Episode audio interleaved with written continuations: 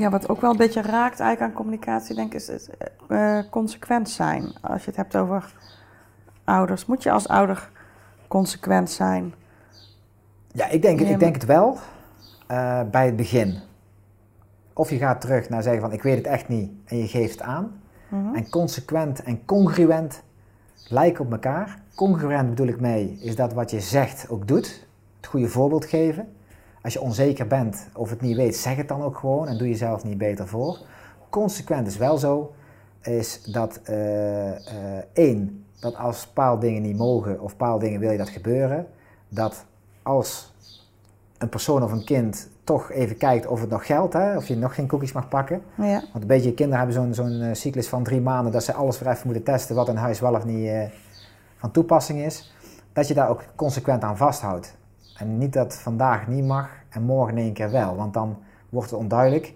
En, en dan krijg je ook, ook die, dat verschuiven van ja, waarom het gisteren wel. Daarnaast is congruent ook, is zelf het goede voorbeeld geven. Ehm, en dus zelf ook die deur doen. En eh, eh, zelf de lampen uitdoen. En ja, qua leiding geven, en met kinderen is ook een vorm van leiding geven, is echt een goede voorbeeld geven. Dat ze doen eigenlijk niet wat je zegt, maar ze doen wat jij doet. Dus ze zien wat je doet, ze voelen wat je doet. Ehm, het is onmogelijk, heb ik wel eens gezegd, als ouders komen die zelf heel onzeker zijn, wat, wat helemaal niet verkeerd of slecht is. En het kindje ook onzeker, dan kan het kindje nog zo zelfverzekerd coachen.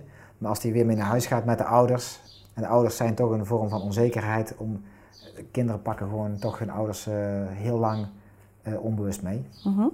En, maar wat als je dat nu allemaal goed doet, hè? Ja, En je kind luistert nog steeds niet. Wat, wat, ja mijn eerste reactie kun je zijn... daar nog verkeerd Maar, wat ja, dan je heb je nog iets niet goed ouder? gedaan. Ja, en wat- moet je kijken wat we besproken hebben. Eerst de Ja. klik hebben, dan de context waar het zit. Dan hebben we de leeftijd van de kinderen, de drukte die je zelf met je partner voelt en doet. Ehm, ik denk, want misschien is dat je vraag, de samenvatting is van, heb ik het op het juiste tijdstip eh, eh, met respect ge- eh, gedaan? En dan denk ik eigenlijk dat als het nog niet goed gaat, ja, dan ben je gewoon niet duidelijk geweest. Mhm. dan, dan is er nog steeds iets niet van bij de andere partij waarom het zo belangrijk voor je is. Kom je eigenlijk terug op, op jouw zenden misschien? Dan moet je nog een keer proberen die boodschap Ja. te verzenden op een manier waarop Ja. die wel aankomt. Ja, en dan heb je best wel wat dingen. En een ervan is echt belangrijk om te kijken van snapt de andere partij waarom ik ze dit van ze vraag. Mhm. En heeft die andere partij nog een beetje invloed gehad? Eh, want daar is dan dan wel meteen springen na het ontvangen. Want het voorbeeld van eh, een dochter die binnenkomt en de deur met een gala jurk eh, die niet binnen is gekomen op tijd en morgen is het gala, die heeft hele andere dingen aan het hoofd. Is, dat wel in verhouding belangrijk genoeg? Heb je begrip voor de situatie van de andere? Kun je, kun je het in eh, perspectief plaatsen? En dan lijkt het heel veel wat we nou zeggen, Mhm. maar ik denk dat je dan na twee, drie dingen proberen en ook respect voor de ander te hebben en kijken waar je zit, ook met die klik, ja, dan valt er heel veel weg wat, waar je er naar hand niet meer over hoeft druk te maken. En vergeet niet wat ik zei, is een normaal probleem.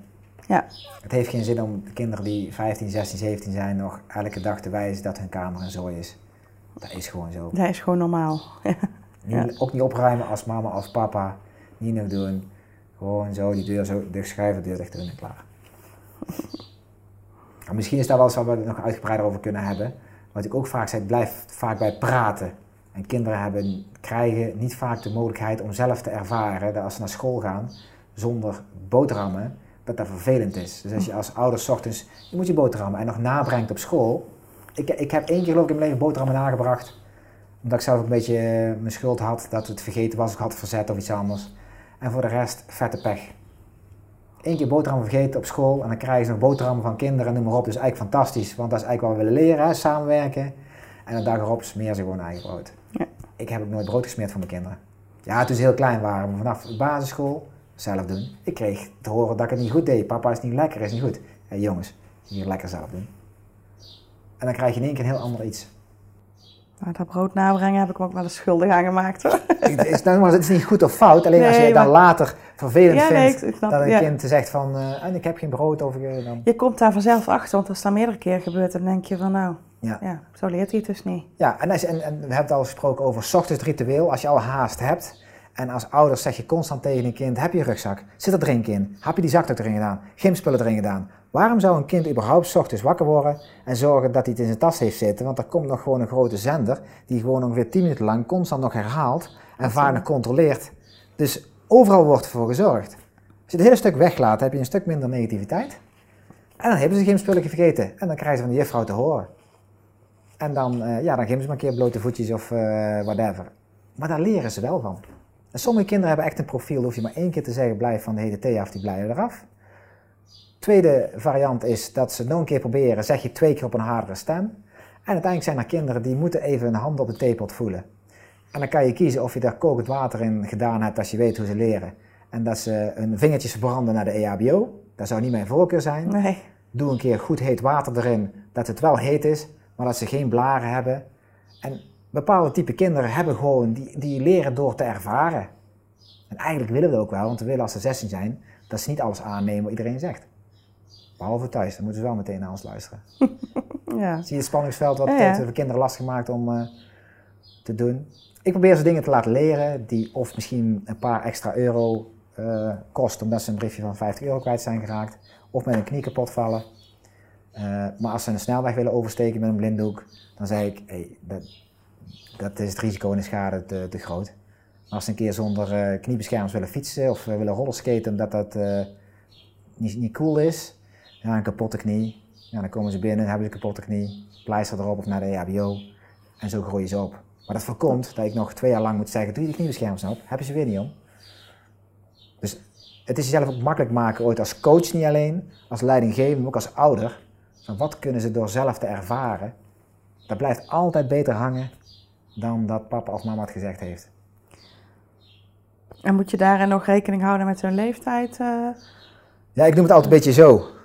Iedereen denkt dat opvoeden van zo en succes is één zo'n mooie lijn.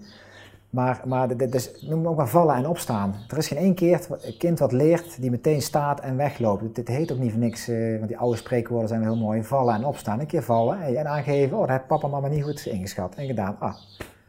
Ik heb ook wel eens gehad met een voorbeeld dat ik ze iets te veel vrijheid gaf. En, en, en dat ze harder waren gevallen dan dat ik denk, oh me, dat had ik volgende keer misschien een keer gehad. Dat ik toch uh, riep, uh, en hij wilde per se op zo'n snowpark met van die obstacles. En hij gaat erop en hij breekt gewoon zijn arm of zijn elleboog. En dan denk ik nog wel eens terug, denk, had ik hem daar moeten zeggen van nee, dit mag niet, daar ben je nog te klein voor of iets anders. Kan niet meer veranderen nu. En achteraf, als je kijkt wat hij ervan geleerd heeft met zijn sportopleiding nu van, van dat voorwel, is, is gigantisch. Maar toch één stem zegt in mezelf van ja, maar hij heeft ook een beetje een, een uh, daar geen, hij kan alles, maar een elleboogbreuk is een lastige breuk, waardoor dus je ja. arm ooit net wat raar staat. Ehm, had kunnen voorkomen, ja, ik denk het niet. Maar het is goed om ze nu dan toch af te vragen en daar ook zelf weer als ouder van te leren. Dat doen we denk ik als ouders van nature al wel. Hè? We zijn dus van nature al bang dat ze zich pijn doen, volgens mij. Ja, uh... ja. En, uh, en als je onthoudt de spreekwoord vallen en opstaan, die we eigenlijk allemaal toch wel in geloven en ook van onze eigen jeugd kennen, dat ook wel doet al pijn in die knie. Maar daar heb ik meer van geleerd dan uh, dat papa of mama de hele tijd zei van dat mag niet of let op. Dan denk ik dat je, dat je heel veel